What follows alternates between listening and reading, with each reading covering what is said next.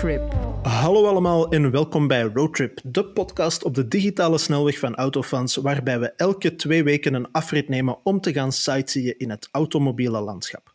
Ik ben Wim van Autofans en bij mij deze week geen Yves Wouters of Techniek Sven, want Yves heeft vakantie en Techniek die is druk bezig met belangrijke wereldproblematiek te verhelpen. Maar gelukkig hebben we wel weer een gast vandaag en dat is een man die tijdens zijn opleiding net als wij voor blogs is beginnen werken.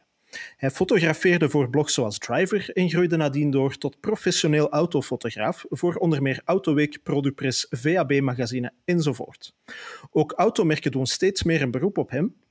Dus zijn wij heel blij dat hij vandaag voor ons wat tijd kon vrijmaken. Jeroen Peters, welkom. Goedemiddag, Wim. Dank je wel. Jeroen, uh, hoe zijn de coronatijden voor jou geweest? Um, toch wel erg stil. Um, sinds maart heb ik heel veel annulaties gehad. Um, maar dat mm -hmm. normaal, mijn hoogseizoen begint in de lente. Ja. En dan heb ik zeker tot juni, juli heel veel evenementen opstaan voor automerken. En die mm -hmm. zijn één voor één geannuleerd. Dus uh, de betere periode staat er nu aan te komen vanaf uh, september. Dus ik hoop Correct. dat we dan uh, terug opstarten en uh, een beetje ja. kunnen rechtzetten. de, de, de agenda zijn. begint stilaan teruggevuld te geraken dan. Ja, ja, ja effectief. Wat, wat heb je dan de laatste maanden gedaan om je bezig te houden? Goh, ik heb hier en daar nog wel iets kleins kunnen doen in België mm -hmm. voor een aantal magazines, maar voor de automerken heeft het effectief helemaal stilgelegen. Um, ja. Daarnaast nog een beetje fotografie voor uh, vastgoed, vastgoedmakelaars. Ah, ja. Dus ja. Dat ja, dat is inderdaad een, een, een, onderwerp waar we straks nog heel even gaan ja. op uh, terugkomen. Want ja, natuurlijk, ik neem aan dat jouw hoofdmoot of jouw belangrijkste bezigheid toch wel de, de autofotografie is. Ja, zeker en vast. Ja, ja, ja. Ook Correct. grootste passie. Ah, oef, kijk eens aan. Hoe is dat voor jou allemaal begonnen eigenlijk? Uh, had je van kleins af al een interesse voor auto's of voor, voor foto's en beeldmateriaal? Of, uh... um, wel, de passie voor auto's was er al heel vroeg. Ik heb drie mm -hmm. oudere broers en um, ja, op zondag zaten we altijd, samen voor tv naar de Formule 1 te kijken. Um, en daar heb ik fantastische herinneringen aan. En dan -hmm. ben ik rond mijn 10, 11 jaar, denk ik, op vakantie steeds meer beginnen fotograferen. Dus echt gewoon een reisfotografie. En ja. ik kreeg meer en meer opmerkingen van familie van het zijn eigenlijk wel goede foto's. Dus ja, zonder daarbij stil te staan maakte ik gewoon composities die wel best oké okay waren, zeker voor zo iemand jong. Mm -hmm. um, maar dat is dan een beetje mijn gedachten uitgegaan. Ik ben daar niet ja. actief op voortgegaan. En dan moest ik op mijn 18 jaar kiezen voor een, een studie na de Latijnwetenschappen. Mm -hmm. um, en dan wilde ik management gaan studeren, KMO-management. Ja. Uh, dus ik ga naar een, een, een uh, infomoment van Karel de Grote Hogeschool. En daar ligt één verdwaald foldertje van de opleiding fotografie. Ik heb dat vastgenomen. -hmm. uh, ik ben dat beginnen lezen. En de dag daarna heb ik mij ingeschreven voor fotografie.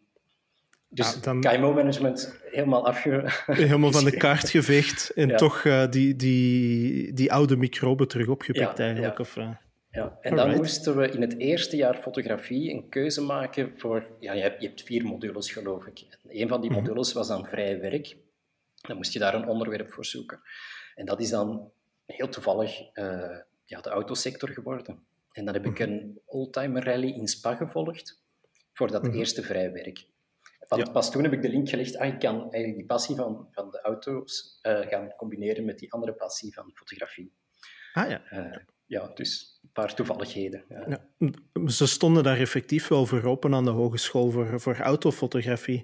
Ja, ja, dat was voor hen ook iets ja. helemaal anders. Dat was iets ah, ja. uh, dat niet vaak voorkwam. Uh, ja, de meesten wilden dan modefotografie gaan doen of, of uh, foodfotografie, dat soort zaken. Ja. Of kwamen af met hun huisdieren.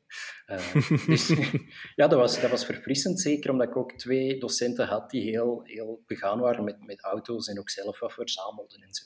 Ah, dus dat was heel leuk, die motiveerde mij ook om daar dan effectief mee verder te gaan. Ja, het is inderdaad wel mooi meegenomen. Ja, de reden waarom dat ik het vraag is omdat ik zelf... Uh, ja, ik ben vertaler van opleiding en ik ja. heb uh, nadien... Ja, ik ben afgestudeerd in het jaar dat de kandidaturen en de licenties uh, plaats uh, hebben moeten maken voor de, de bachelors en de masters. Dus ik heb nog een kandidatuurs- en een licentiaatsdiploma, maar tegelijk stond daar ook al master op. En dus het jaar nadien mochten wij ook uh, eenjarige masteropleidingen gaan volgen. Ja. En ik heb toen heel lang getwijfeld om journalistiek te gaan doen, maar toen ik dan zei van ja, ik heb eigenlijk wel interesse voor autojournalistiek, dan hoorden ze het daar echt in Keulen donder. dus dat was echt zo, ja nog nooit van gehoord en we houden dat dan precies in. En ja, omdat je dan ook stageplaatsen moest gaan zoeken. En uh, ik denk dat uh, destijds af en toe bij ons in de, in de opleiding mensen kwamen rondstellen voor vakantiewerk ja. en zo. Uh, ja, ze wisten echt niet hoe of wat. En dan heb ik er eigenlijk nooit iets mee gedaan. Maar ik vind wel straf ah, nee. dat dan op zich... Ja, de fotografiekant of de beeldende kant van het vak, zo gezegd, dat die daar toch wel, toch wel mee mee waren. Ja, zij stonden daarvoor open. Um, ik kan u niet zeggen dat ze mij veel tips konden geven of, of echt uh, hebben gezegd van zo moet je het aanpakken of daar kan je terecht. Ook naar stageplaatsen mhm. wisten zij absoluut niet waar, waar te gaan zoeken. Um, dus die stage, uh, stageplaats was dan in mijn derde jaar van de opleiding. Mm um, dus die heb ik ook zelf geregeld. En, ja. en waar was die? Die, die was bij Waft, bij Lies de Mol. Ah, serieus? Ja, ja, ja. Kijk eens aan. Uh, wat heb je dan, heel, heel dankbaar uh, om mij zo goed ontvangen en, en op te leren. Uh, ja, dat zal wel. Ik, ik, denk dat er weinig mensen zo hartelijk iemand kunnen ontvangen als, als ja, Bart ja, en Lise. Ja, zeker en vast. Ja. Wat heb je dan allemaal moeten doen? Heb je meegewerkt aan, aan de, de, de WAFT-boeken of was dat dan nog de, oh, de, de losse reportages? Meegewerkt die ze... is misschien een groot woord. Uh, ik was daar assistent. Uh, mm -hmm. Dus ik heb geholpen waar ik kon. Af en toe moest ik uh, bijvoorbeeld met de cameraauto rijden als, als er iets uh, gefotografeerd moest worden. Mm -hmm. Maar effectief, ik was daar toen ze aan WAFT 1 bezig waren. Ah, en ik heb een aan. tijdje mee doorgebracht in de spuitcabines waar dat toen de koffers gemaakt werden voor ja, WAFT 1. Ja, ja. Ik heb hem... Uh, ja, hij is niet... Jawel, hij is ja, toch mij staat in beeld net, zichtbaar. net buiten beeld. Voilà. Ja. ik heb hem hier inderdaad ook staan. Ik ga straks eens kijken. Staat uw naam er ergens in? Of, uh, uh, ik denk de... op de, ja, bij de lijst met de bedankingen dat ik ertussen sta. Ja. ik durf die boeken eigenlijk niet open doen, want die hebben eigenlijk behoorlijk wat geld gekost. En dat zijn zo'n mooie boeken. En ik denk Ah, altijd van... Als Het is ik toch de moeite mijn- om er af en toe eens in te bladeren. Ja, ik, ik denk dat ik mij sowieso een paar van die, van die stoffen handschoenen moet eh, aanschaffen en hier zo een, een, eh, een ruimte in moet richten met eh, luchtdruk en luchtvochtigheid op de perfecte Ja. parameters om die boeken eens open te doen. Want, eh, Ja, het wordt een Ehm, collectors item. Zeker WAFT 1, die is uitverkocht. Eh, ja, blijkbaar. Ik Ja. heb dat inderdaad ook gehoord. Ik heb er eens een zien passeren op een of andere veilingwebsite. Eh, ik denk Katawiki of zoiets. Juist, en dat ja. waren blijkbaar serieuze bedragen al. Dus, ja, ja, Wat zijn de projecten eigenlijk die, dat je, het, die dat je het liefst doet voor, eh, qua autofotografie? Want het is dus heel breed inderdaad als het gaat van, van die coffee table box over magazines tot ja. Ja. werk voor constructeurs. Ja, het Wat zijn de dingen die jou- constructeurs, Die, die doe ik wel het liefste, omdat we Mhm. daar meer tijd krijgen om echt een mooi product te maken. Je weet zelf ook, in de, in de automobielpers is er altijd Mhm. een, een enorme tijdsdruk. Dus krijg je maar een halve dag met een auto. Eh, en Ja. moeten de beelden soms de dag erna klaar zijn. Dus dan heb je eigenlijk niet veel speling om echt ja, je werk tot in de puntjes te verzorgen. Mhm. Dus dat is vaak ja, een frustratie. Ehm, terwijl bij automerken, dat weet je langer op voorhand, krijg je soms drie weken de tijd om echt, echt goede beelden te gaan maken. Ja. Worden de locaties ook wat, eh, wat leuker, wat verder weg, je hebt wat meer vrijheid daar om te gaan kiezen. Ehm, dus ja, dat zijn wel dingen waar ik heel lang naar uitkijk. En als die dan worden geannuleerd door een of andere crisis, eh, ja, dat is niet zo fijn. Maar Ja, ik herinner me, want je werkt af en toe ook voor, voor eh, Toyota en Lexus zeker. Eh, ik herinner me inderdaad, zal het, het zal de Land Cruiser facelift geweest zijn in Namibië. Dat was zo'n reis die eerst Ja. ook geannuleerd werd, denk ik. Hè? En die ja, dan- dat klopt, door een overstroming. Juist in de, de, de haven van Durban, als ik me niet vergis.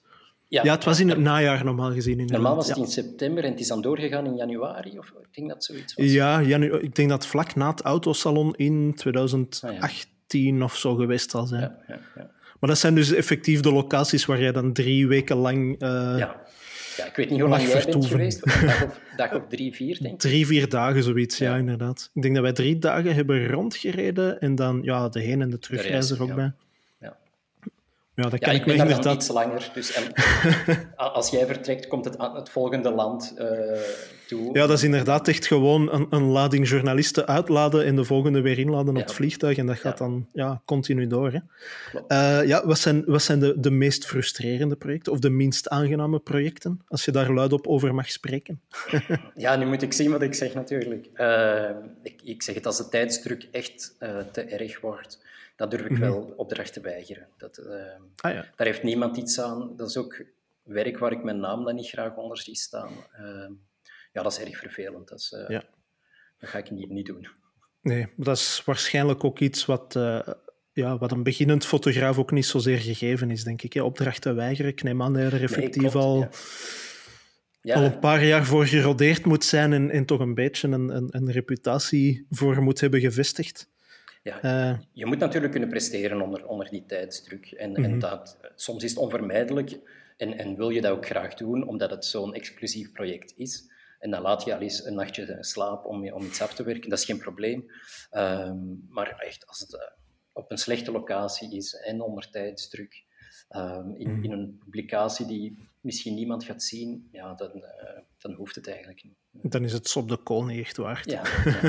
Over die nachtjes slaap gesproken, ik herinner mij van vroeger dat het inderdaad wel eens gebeurde dat je om twee uur, drie uur s'nachts nog achter de, achter de Oh computer ja, zat. Dat, is dat is heel vaak gebeurd. Eh, tot vijf jaar geleden eh, heb ik dat veel te veel gedaan.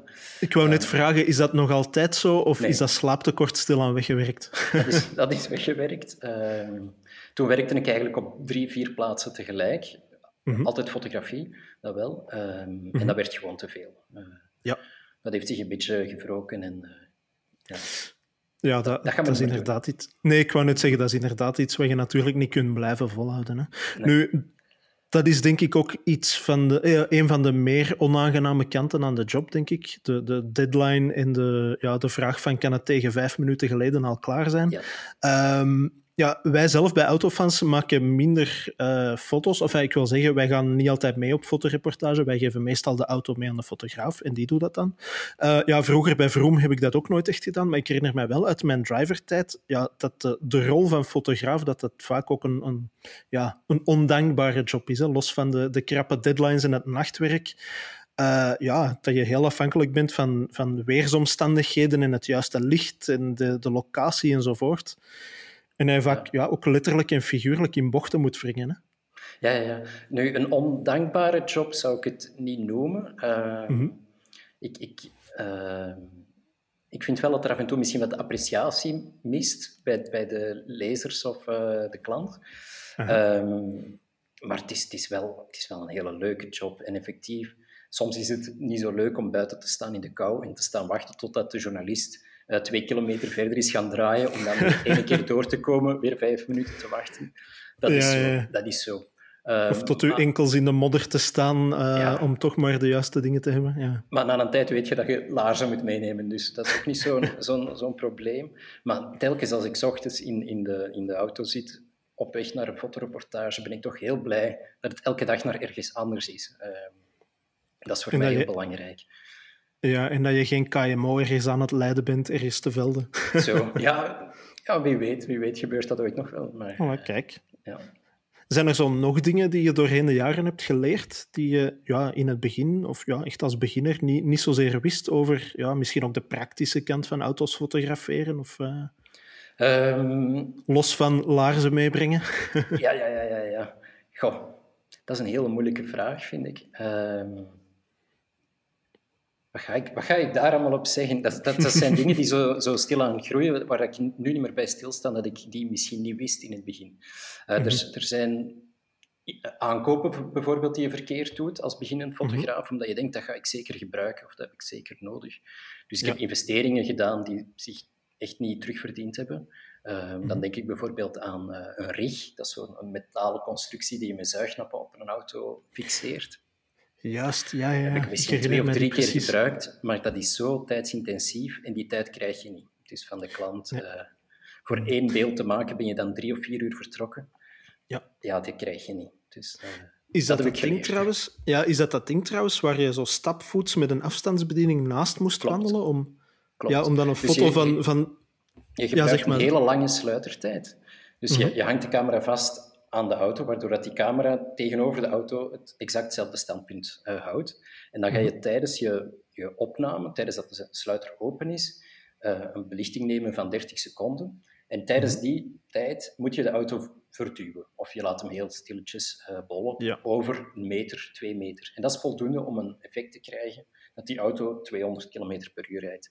Uh, dus dat is het idee daarachter.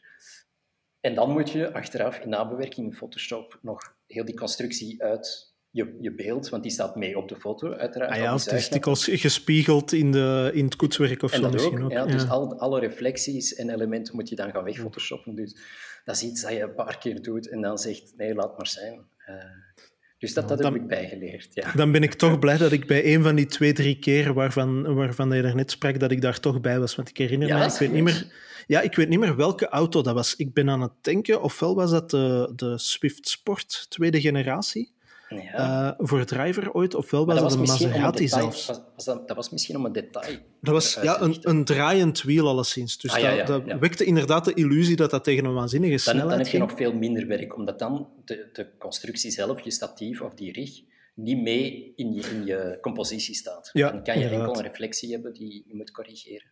Ja. Ehm, dus dan valt het best mee. Dan, duurt het ook zo lang niet. Dus, Ah, ja. oké.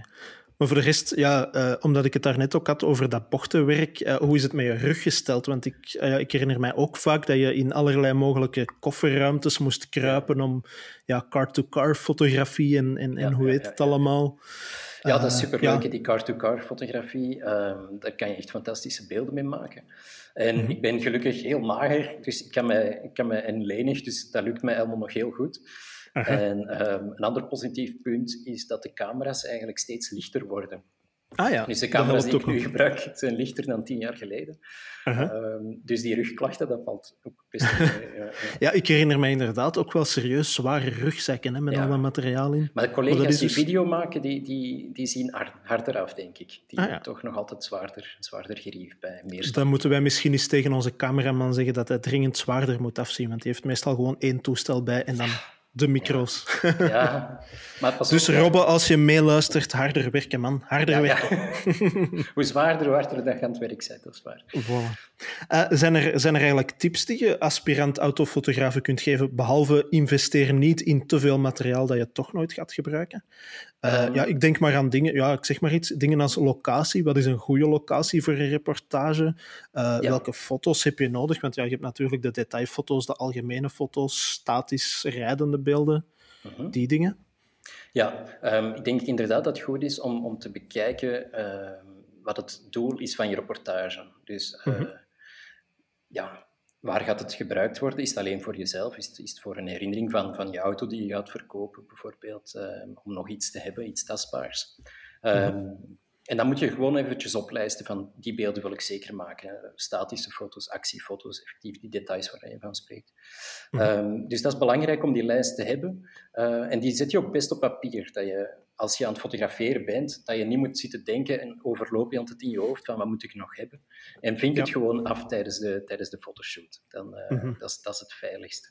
Ehm, van die investering heb ik wel één ding opgeschreven als voorbereiding op deze sessie. Aha. Wat ik toch zeer belangrijk vind, want dat is een fout die bij heel veel eh, beginnende fotografen wordt gemaakt. En dat is een- eigenlijk een kleine investering, maar toch een verkeerde. Dus heel veel Mhm. fotografen gaan in het begin van hun carrière een telelens kopen voor een beperkt budget. Dat heet dan Ja. ja. een- kitlens, omdat die heel Mhm. vaak in kit wordt verkocht met een toestel. En Mhm. dat is dan iets, een 70-300, dat is 70 mm tot 300 mm, Ja. voor een budget van een 300 euro. En dat is eigenlijk een lens waar je niet blij van gaat worden. Dus of dat dat nu een Sony is, of een Canon, of een Nikon, of een Fuji, ze zijn Mhm. allemaal niet goed. Ehm, dus die zijn te weinig lichtsterk. En ook Ja. de autofocus is te traag. En dat zijn eigenlijk net twee dingen die je wil hebben, of waar dat die lens in moet uitblinken om autofotografie te gaan doen. Dus in plaats van die investering te doen, koop je beter een vaste lens, zoals een Mhm. 50 mm of een 85, in hetzelfde Mhm. budget. Zelfs een 50 mm hoeft maar 100 euro te kosten. Of Ah, een 85 voor 300 eh, euro. En dat zijn lenzen waar je echt veel beter gaat mee leren fotograferen en veel betere beelden mee gaat maken. Ja. Dus dat vond ik toch heel belangrijk om mee te geven. eh, Dus maak daar niet de verkeerde investering. Mhm. maar, maar zoek even op en laat je niet verleiden door die goedkope zoomlens. Nee. Want dat gaat een teleurstelling zijn. Ik heb zelf die fout ook gemaakt. dus je spreekt uit ervaring. Ja, ja. ja, ja. tijdens mijn opleiding had ik die gekocht. Dus, ah, kijk. Ja. daarover gesproken. Wat, wat zijn eigenlijk goede toestellen voor, voor autofotografie en wat zijn goede lenzen? Ja, je hebt het dus over die vaste lenzen. Ja, ja uh, dus maar de toestellen zelf... Mhm. Ja? In plaats van de zoomlens zou ik voor vaste lenzen gaan. Uh, Qua merken ziet je eigenlijk altijd goed. Bij Canon, Nikon, Sony, ze bieden allemaal wel, wel goed materiaal aan. Dus dan moet je puur naar budget kijken, denk ik. Eh, mhm.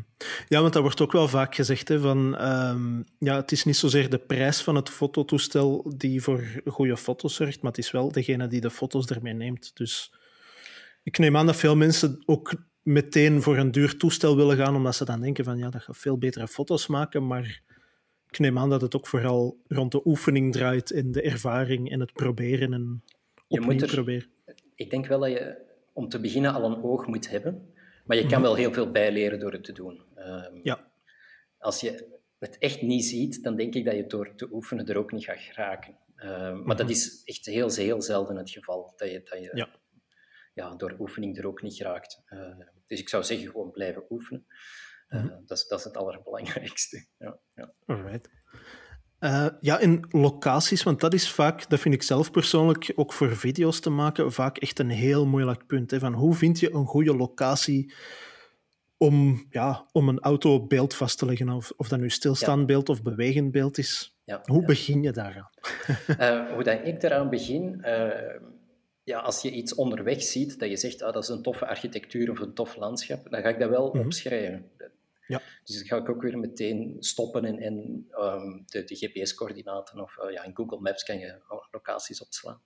Mm -hmm. als je niet de kans hebt om effectief te gaan zoeken op pad, dan is Google Maps en Google Earth uh, of Street View echt super handig. Ja. Uh, ook iets wat dat ja, tien jaar geleden misschien nog niet zo uitgebreid was, maar nu kan je echt alles zo goed bestuderen op voorhand. Um, ja, dat, je, dat je perfect daar kan te weten komen van is daar plaats genoeg, is het daar rustig, uh, enzovoort. Niet te veel storende elementen. Uh, wat ik ook belangrijk vind uh, bij locaties, is dat de locatie wel afgestemd is op de auto. Of ah, ja. het model van de auto. Ja. Um, ja, je moet niet met een kleine stadsauto het circuit gaan opzoeken. um, en je moet ook niet met een Porsche in de file gaan staan. Het, het nee, moet wel kloppen. En auto's ja. in het gras heb ik ook moeite mee. Ja, dat heb ik nogal gehoord. Wat, wat is er mis met auto's in het gras? Ik, ik, weet het niet, maar het ziet er gewoon verkeerd uit. Ja, ik, ja, wel, ik heb inderdaad ook... Ik heb het vaak gehoord, maar ik denk ook altijd van... Dat ziet eruit als een goedkoop tweedehandszoekertje dan. Ah, ja, en als een auto op het gras staat van... er staan nog vijf andere auto's naast met een te koopbordje op. En ja, toevallig stond deze even vrij om een foto van te nemen. Ja, inderdaad. Maar dus voorbereiding voor een, voor een locatie is heel belangrijk. Ja, ja, en ook zeker voor beginnende fotografen zou ik zeggen, zoek geen te drukke plaats. Uh, Dat je niet wordt lastiggevallen, dat je geen vragen krijgt de hele tijd. Uh, dat je echt mhm. kan bezig zijn met, met je eigen werk, je eigen foto's. Uh, ja. Want dat kan wel ja, lastig zijn. Als, als je de hele tijd gestoord wordt, dan kan je ook weer... Je weet niet meer, wat heb ik al gedaan? Je bent misschien instellingen op je toestel aan het vergeten. Ja, ehm, je vergeet misschien scherp te stellen of dat soort zaken. Ja, uh, ja, dan blijf je bezig natuurlijk. Hè. Ook als je bijvoorbeeld gaat oefenen op actiefoto's, dus op mm -hmm. panning shots zoals die heten, uh, zorg dat de, de weg waar je dat doet niet te druk is. Dus dat de chauffeur die voor jou met de auto over en weer rijdt, mm -hmm. dat die ja, snel genoeg kan om, omkeren en, en, weer passeren, want anders sta je daar te wachten en dan is je, je goesting misschien al over. Ja. Uh, Als het dan nog begint te regenen en de deadline, ja, ja voilà, inderdaad. Dat herinner ik mij ook wel inderdaad. Als we een paar keer voorbij de lens moesten rijden, het goede punt vinden om terug te draaien en dan... Ja. Ja, wachten jij zat er weer... En Wim, jij zat nog ja, ja, wel. Dat is dus de ondankbare job van de fotograaf. Ja. Ja. Wij zaten gezellig met de airco op 22 graden en de zetelverwarming op. Ja, maar ik, uh, kan mij voorstellen dat dat voor de, de journalist of de chauffeur mm -hmm. ook geen leuke, leuke taak is om daar zoveel keer uh, diezelfde weg te rijden. Ja, ik word daar zelf vaak heel nerveus van. Omdat ik, ah. ja, het hangt inderdaad af, zoals gezegd, van ja, hoe rustig is de locatie. Als dat ja, inderdaad ja. een weg is waar twee auto's per half uur passeren, is dat perfect. Maar als dat echt ja, een mooi stuk weg is, dat toevallig de verbindingsweg is tussen twee provinciesteden, ja, Ja. Dat dan is dat echt gewoon... leuk. Ja, voilà, tegenliggers echt moet je zitten timen van nu, nu moet ik eh gas Ja. bijgeven of wat inhouden. Ja, inderdaad. Zo echt het gat afwachten waarop Ja. dat je weet van nu kom ik echt alleen in beeld en rijdt er geen Fiat Panda voor of achter mij te dicht of. Nee, weet ik veel. zo. Ja. en hoe, ja, er komen meteen allerlei herinneringen van vroeger terug boven. nu, we hebben eigenlijk wel de chance voor onze video's dat we een, een, een locatie hebben gevonden, zeker voor het, het stilstaande gedeelte. Ja. Ja. daar worden wij echt nooit gestoord. Dus dat is, Nee, nee, nee. nee. dat is een redelijk dat is ruim terrein. superbelangrijk. Ja, en dat is ook groot genoeg dat als er andere mensen opkomen, ja, ieder blijft zo'n beetje in zijn hoek. En ja, dat is echt, je kunt dat redelijk ongestoord opnemen. Voor het rijgedeelte is het inderdaad echt ja, het moment afwachten. Zeker, ik Ja. neem aan, in Vlaanderen of in, in, ja, zeker in de provincie Antwerpen, waar alles zo dicht bebouwd en dicht op elkaar is, dat het moeilijk is om goede Daar locaties heel te vinden. moeilijk. Ja, ja, ja. Er zit ook, ik neem aan voor jouw lokale reportages ook heel, veel, heel vaak ja, een, een trip naar de Ardennen in, neem ik aan. Of naar plaatsen waar het toch iets rustiger is of waar de wegen wat mooier zijn. Of, als de eh, tijd het toelaat, gaan we inderdaad daar moeten zoeken. Eh, maar in de Ardennen vind je dan weer moeilijker foto- eh, plaatsen om foto's te maken, statische foto's te maken. Ah ja. Ehm, ik werk graag met architectuur, omdat het Mhm. ook een passie is van mij. Ehm, Ja. ja. in de Ardennen heb je niet zo heel veel keuze van, van gebouwen. Die heb je dan weer meer in Antwerpen. Mhm. Ehm, dus als je foto's maakt eh, voor, voor eh, een automagazine en je maakt de Mhm. statische foto's in Antwerpen, dan ja, ben je door de tijd beperkt. Dus ga je waarschijnlijk daar je actiefoto's ook willen maken. Mhm. Maar ook omdat je een, een samenhangend geheel wil hebben. Het is een beetje gek dat je foto's maakt Ja. in het centrum van een stad statisch en dan plots de actiefoto's maakt eh, tussen de bomen in de Ardennen. Ja, als dus je, als je de kathedraal... Als je de kathedraal op de achtergrond herkent en dan ineens eh, een auto ziet voorbijrijden in glooiende heuvels. Ja, het is een beetje... klopt er inderdaad iets niet. Het, kan, hè. Eh, Soms is, is er een verhaal dat, waar, het, waar het bij moet. Als je een roadtrip-verhaal brengt, dan wil je wel Ja. die verschillende elementen hebben. Eh, Mhm. Dus je moet ook niet je fixeren op het mag alleen maar de stad of het mag alleen maar het bos zijn. Dat is ook niet, Mhm. ook niet zo. Dat, dat heb je ook een paar keer gedaan, denk ik, als ik me niet vergis. hè, Van die, van die grotere roadtrip-verhalen. Ja, Zijn er- ja. Zijn er daar zo uitschieters bij of dingen waarvan je, waar je goede herinneringen aan hebt? Eh, ik herinner Ik mij... heb er hele leuke gedaan, maar zeg vooral welke dat je herinnert. Dat is een goed teken. Ja, ik herinner mij precies een anekdote, maar ik weet niet. Ik denk dat jij erbij was van een McLaren in een lift. Ja, ja dat is juist. Met eh, Ken Diviak. Eh, Ja, ik heb daar beelden van gezien. geleden. Ah nee, eh, wel, ik heb daar recent beelden van gezien en ja, ik werd al nerveus in jullie plaats eigenlijk. Het- het- maar het je moet het misschien zelf maar even vertellen. Het was verschrikkelijk. En jij hebt enkel de beelden gezien van de ochtend. De avond ervoor was eigenlijk Ah. veel erger. Eh, dus wat is daar gebeurd? Eh, wij hadden de kans om een McLaren terug te brengen van Brussel naar Portugal. Dus ze hadden die auto nodig daar op een evenement. En ofwel ging die auto op het transport, ofwel gaven ze de auto mee met een journalist en een fotograaf, die dan onderweg ook nog eens voor een reportage konden zorgen. Ja. En ehm, een tussenstop gemaakt toch wel, want Portugal was net wat te ver om je een keer. Ehm, bij de tussenstop komen wij in eh, Placencia, denk ik dat het was. Eh, een stadje waar juist zo een jaarlijkse feest bezig was. Dus vol, vol zaten, zaten Spanjaarden. En voor we het goed en wel beseften, waren we eigenlijk die middeleeuwse stad binnengereden via een poort, waar eigenlijk in het groot boven stond dat we daar niet binnen mochten, tenzij met autorisatie, maar goed. Dat stond er in het Spaans op of zo. Of, eh, Ja, we waren gewoon echt zo vermoeid al. Want Ah, ehm, ik had een half uurtje daarvoor op mijn gsm een, een, eh, een hotel geboekt via Booking. Dus eh, Ken, Ja. Ken had het stuur. Hij zei tegen mij, boek hier maar iets met een, met een garage. Dus ik had ingevinkt, allee, aangevinkt op, eh, op Booking en eh, overdekte garage. Mhm. Dus alles was in orde, dachten wij. Maar we komen daartoe in die stad, waar dus iedereen staat te feesten. We nemen daar een straat waar we niet in mochten.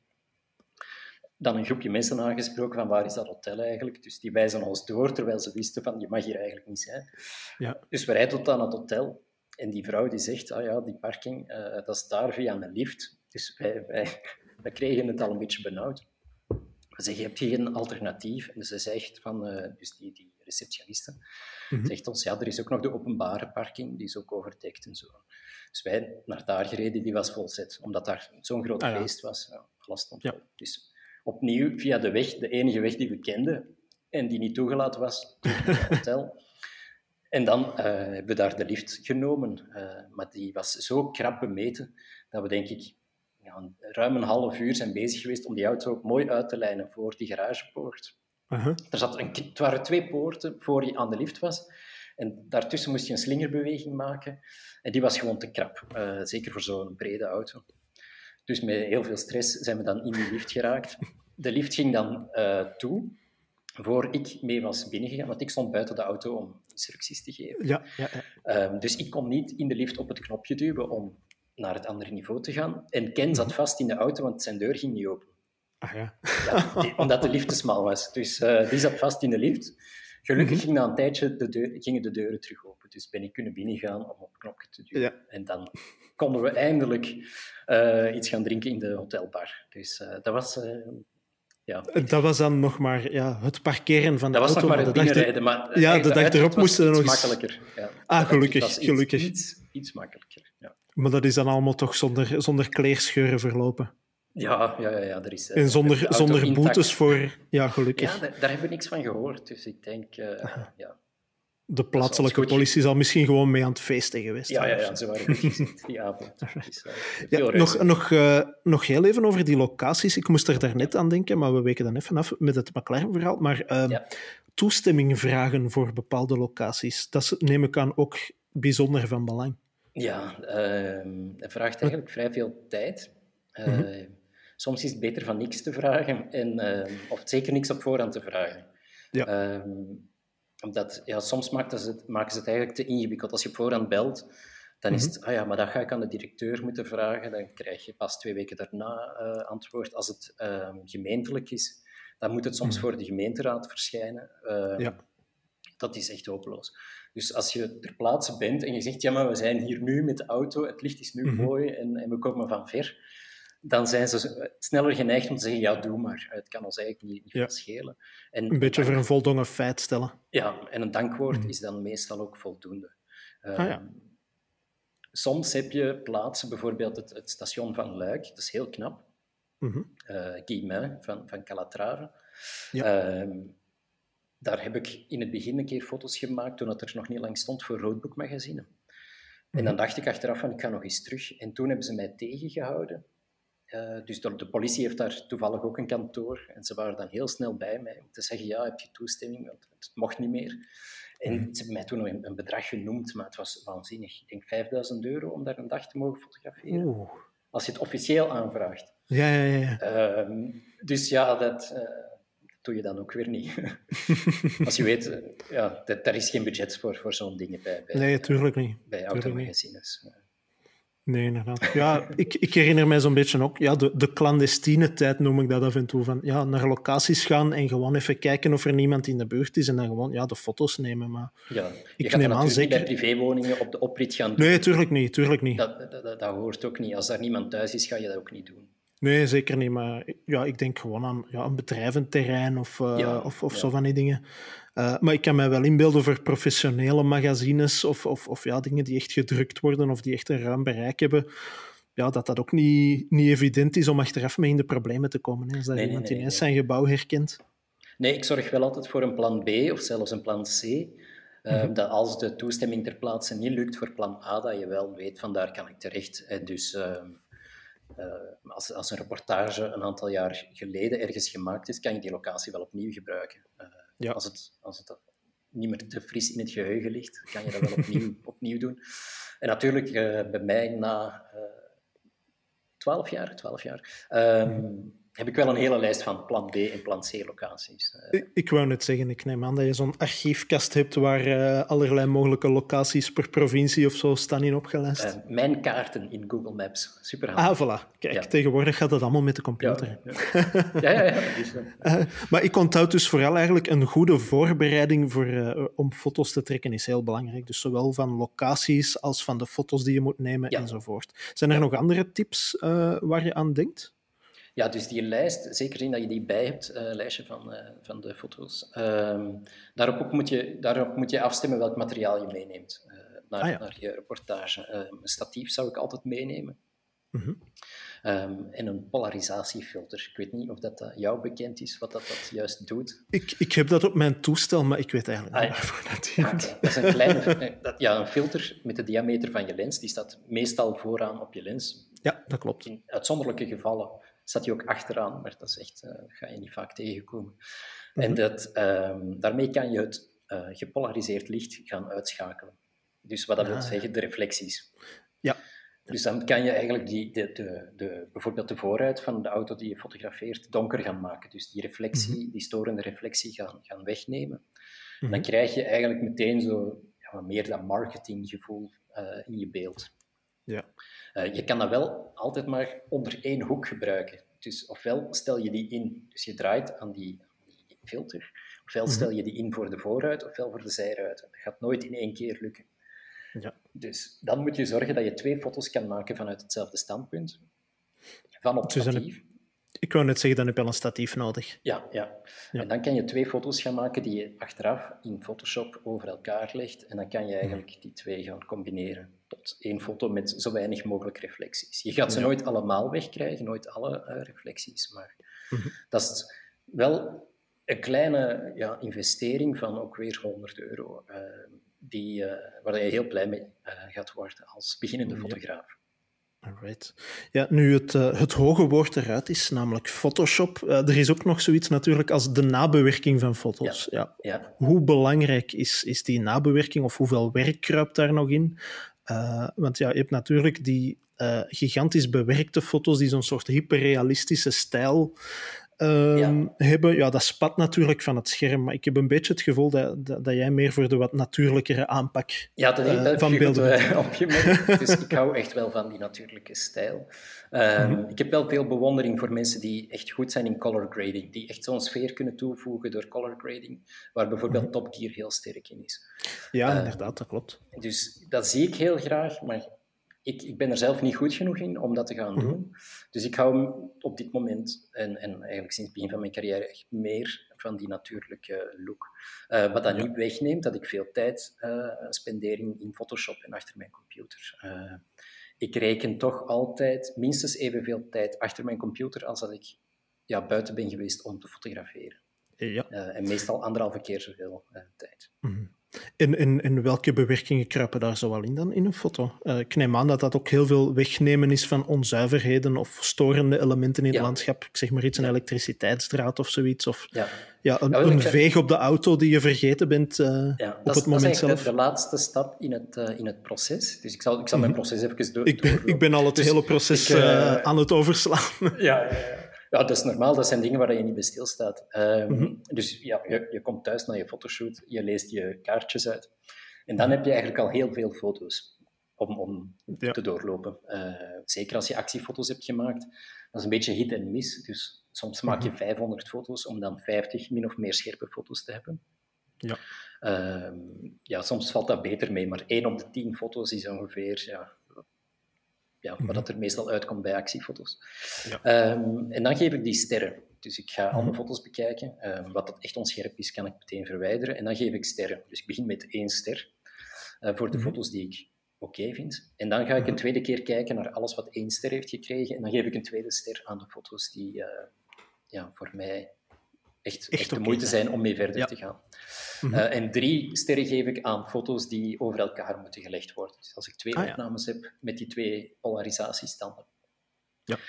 Dus, en dan ga ik verder met die uh, foto's die twee sterren hebben en drie sterren. Uh, Dan ga ik de witbalans corrigeren. Dus een, een ja, dat is eigenlijk de, de kleurbalans van je foto gaan, gaan corrigeren, omdat die, als die uit de camera komt, vaak mis zit. Ja. Je hebt zelf die auto ook gezien, je weet welke kleur het is, dus je gaat dat proberen benaderen. Mm dan de volgende stap is contrasten en uh, correcties in overbelichting en onderbelichting. Mm -hmm. uh, en dan ga ik exporteren. Ja, er zijn nog een aantal stappen tussen, maar dat wordt... dus um, dan ga ik het exporteren Aha. en dan ga ik effectief um, ofwel de foto's nog over elkaar leggen, als ik de, uh, op statief heb gewerkt, Mhm. En anders is het effectief die storende elementen gaan, gaan wegwerpen, wegwerken. Uh, Insecten op de nummerplaat. Uh, ja, mhm. dat soort zaken. Natuurlijk ervan uitgaande dat een auto gewassen was voor de foto's. Ik wou Uh, net zeggen, dat was misschien ook nog een, een, een tip die we vergeten zijn. Uh, Ja. een, een goed gepoetste auto bespaart achteraf heel wat Photoshop. Ja. Ja, soms wil je off-road foto's maken en moet de auto een beetje geloofwaardig zijn en mag die vuil zijn. Ja. Ehm, maar in de, in de meeste gevallen zou ik toch zeggen, zorg dat een auto goed gepoetst is. Dat is ook Mhm. iets wat ik altijd bij heb. Dat is eh, een beetje schoonmaakgerief en eh, van die doeken. Doeken, ja. Eh, ja, dat, dat, dat, dat allee, spaart je zoveel tijd uit achteraf eh, Mhm. in, in Photoshop. Alright. Nu, eh, Jeroen, ik heb een flauw vermoeden, enfin, ik weet dat eigenlijk. In de tekening achter jou, eh, die illustreert dat des te meer, maar je bent ook fan van Italiaanse auto's. Hè? Ja, ja, ja wat, zeker. wat staat er momenteel in je garage? Want ik herinner me dat je ooit een Alfa 156 brek hebt gehad. Ja, die heel ja, dat wat was mijn kilometers- dagelijkse auto. Eh, Die had heel die wat kilometers op de teller op het einde, denk ik. Hè? 190.000. Ik denk, denk Ah. dat ik hem tot daar heb gehouden. Het viel, Het viel valt, nog het valt mee. nog mee. Ja. Maar hij begon toch iets te veel steken te laten vallen, dus die hebben we Mhm. toen eh, verkocht. En dan heb ik een, een Lancia Fulvia gekocht, Lancia Fulvia Coupé van 1971, Mhm. om toch ja, dat Italiaanse te kunnen houden. Want mijn, eh, mijn dagelijkse auto is dan een Skoda geworden, Eh, dus ik Ja. wou toch nog graag dat Italiaanse eh, houden. En Mhm. die auto heb ik zo'n zes jaar gehad, die Fulvia. Mhm. En die is vorig jaar verkocht. Dus Ah. ik merkte dat ik er te weinig mee reed. Ehm, Ja. En ja, de herinneringen waren gemaakt. Ik heb eigenlijk geen spijt, gehad Dat, dat ik hem verkocht heb. Ik heb er echt Mhm. ja, heel leuke dingen mee beleefd. Ehm, maar nog niet gemist in dat jaar dat hij weg is. En eigenlijk ben ik ook nog niet aan het uitkijken naar iets anders. Wat ik wel had verwacht, eerlijk gezegd. Ja. Dat ik meteen zo terug, na een week van oei, wat heb ik nu gedaan? En dan terug maar de Ja, ja, ja. zomertjes afschuimen. Maar, eh, De, Tot de spijtverkoop. ja. Nee. Ah, maar Ja, dus maar- momenteel is het eigenlijk alleen de Skoda die er staat. Ja, ja, ja. Dus zijn er dingen die er in de toekomst nog, eh, nog bij mogen komen? Ehm, ja, zeker wel. Ehm, daar, dat moet zelfs niet Italiaans zijn. Eh, er zijn Mhm. voldoende interessante auto's, denk ik. Ehm, ik denk wel dat ik oud genoeg ga kopen, omdat ik niet, Ah, ja. eh, ben niet de grote sportieve eh, rijder. Ehm, Dus een van, een van de dingen waarom ik de Fulvia heb weggedaan, was eigenlijk omdat die te modern reed. Dus een auto van 1971, ja, ja, ja. ja. Ja, dat, dat, Eh, dat moet je inderdaad eens verklaren. Dus eh, die reed zo comfortabel eigenlijk. Ja, die had geen servo, maar Mhm. was zo licht dat je daar eigenlijk ja, te gemakkelijk mee kon rijden. En ik had zelfs de, de neiging om op de snelweg aan de pinker te trekken om een cruise control op te zetten. Zo, ik was zo in de waan dat ik met een moderne auto onderweg was. Eh, Ah ja. en ook het, het schakelen was zo soepel. Ik, ik zat daar goed in. Eh, er was natuurlijk veel lawaai. Dat was het enige wat Mhm. ik kon doen vermoeden dat het wat ouder was. Eh, maar dat miste ik zo, die, die beleving van echt een oude auto. Eh, Ik heb ooit op een, op een reportage met eh, de eerste generatie Porsche 356 gereden. En dat is Mhm. echt werken om dat ding vooruit te krijgen. En dat, is, dat is meer hetgeen waar ik naar zoek.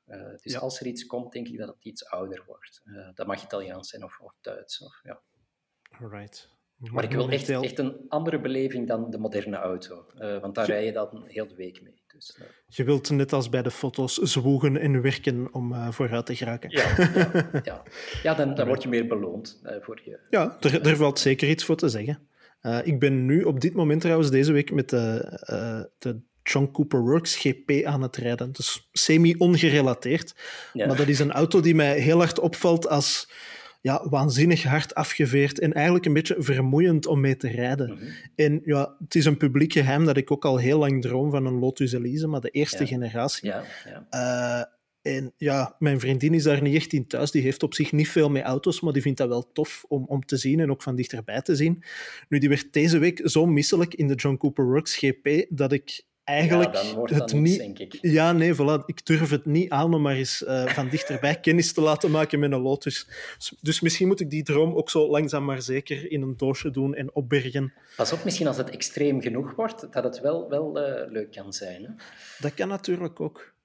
En, Dat kan en openrijden, dat is toch ook... Je moet niet altijd... Ze heeft daar eh, wel een zwak voor, inderdaad, voor openrijden. Dus misschien is daar nog wel eh, Dat een, gaat nog wel lukken, Wim. Ik een oplossing niet, mogelijk. Ik zou het nog niet opbergen.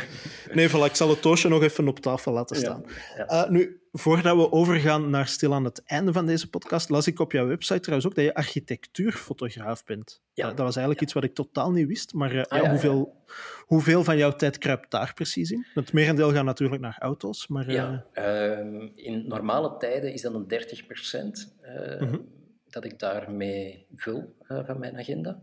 Mhm. Um, en wat ik ook heel graag doe, dat is zowel voor architecten als, als voor vastgoedkantoren.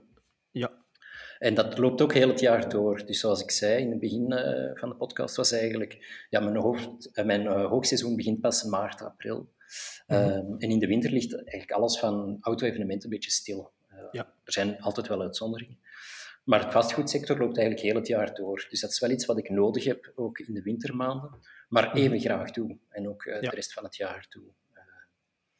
En dat is een passie geweest. En ook, dat, dat, dat duwde je een beetje in een andere manier van denken dan telkens die, die auto's fotograferen. Dus dat is ook verfrissend en, en je blijft uh, ja, alert als je, als je dat ook fotografeert. Uh, mijn vriendin is ook interieurarchitect, dus uh, dat, dat, zorgt ervoor dat we ook iets hebben om over te praten. het gaat niet altijd over auto's ten huize Peters. nee, nee, toch niet, toch niet. Ah, nee. voilà. Alhoewel zij met dat Defender rijdt. Ehm, Ah, kijk eens aan. Ja, en heel graag offroad. Dus ja. Voilà, kijk. Het gaat soms toch over auto's. het kruipt uiteindelijk, hoe zeggen ze dat? Het bloed kruipt waar het niet gaan kan. Ja. Uh, ja ik weet niet of dat van toepassing is in deze context. Ja, ja. Maar dat maakt niet uit, want we zijn aangekomen aan de laatste rubriek, onze traditionele afsluiter, de defenestratie. Uh, je had op voorhand gezegd, Jeroen, dat je het concept ondertussen een beetje kent. Jawel. Ik, ik ben blij dat Iver niet bij is, want na 15 aflever afleveringen weet hij het nog altijd niet.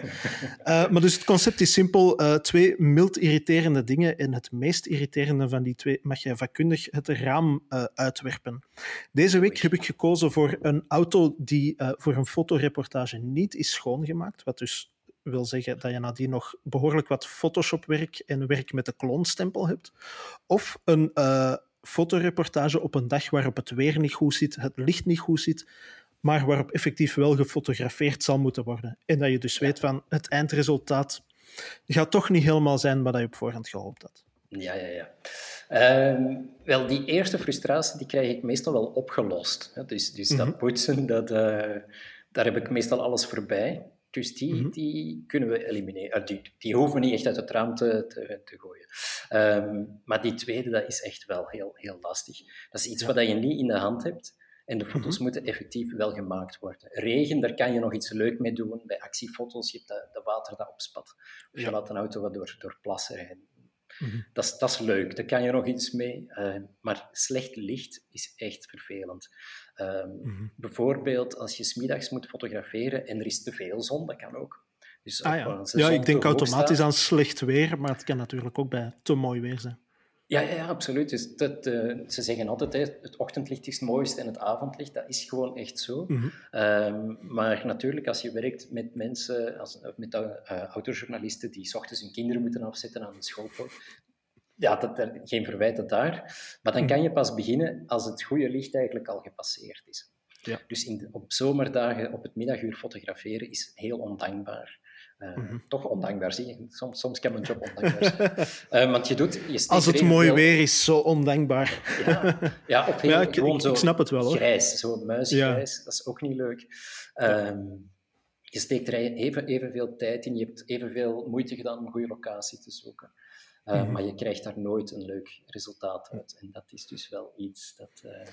Als, als ik iets uit het raam mag flikkeren, dan is het dat. Dan zal het dat toch zijn. Helpt het dan om uh, in zulke situaties uit te wijken naar een plan B of een plan C-locatie? Of zit jij toch altijd vast aan. Uh, ja, aan, je kan, je kan uh, ondergronds gaan, bijvoorbeeld. Op druilerige dagen kan je in, tussen de hoogbouw gaan staan, in steden mm -hmm. waar het zo niet opvalt. Dat je de lucht ah, ja. niet in beeld hebt. Ja. Ehm, ja, ondergronds, maar dan ga je het moeten inflitsen, bijvoorbeeld. Kan allemaal. Um, of, ja. of in, het, in het bos kan ook nog meevallen. Krijg je soms een, als het zo wat mistig is, kan ook heel leuk zijn. Ja.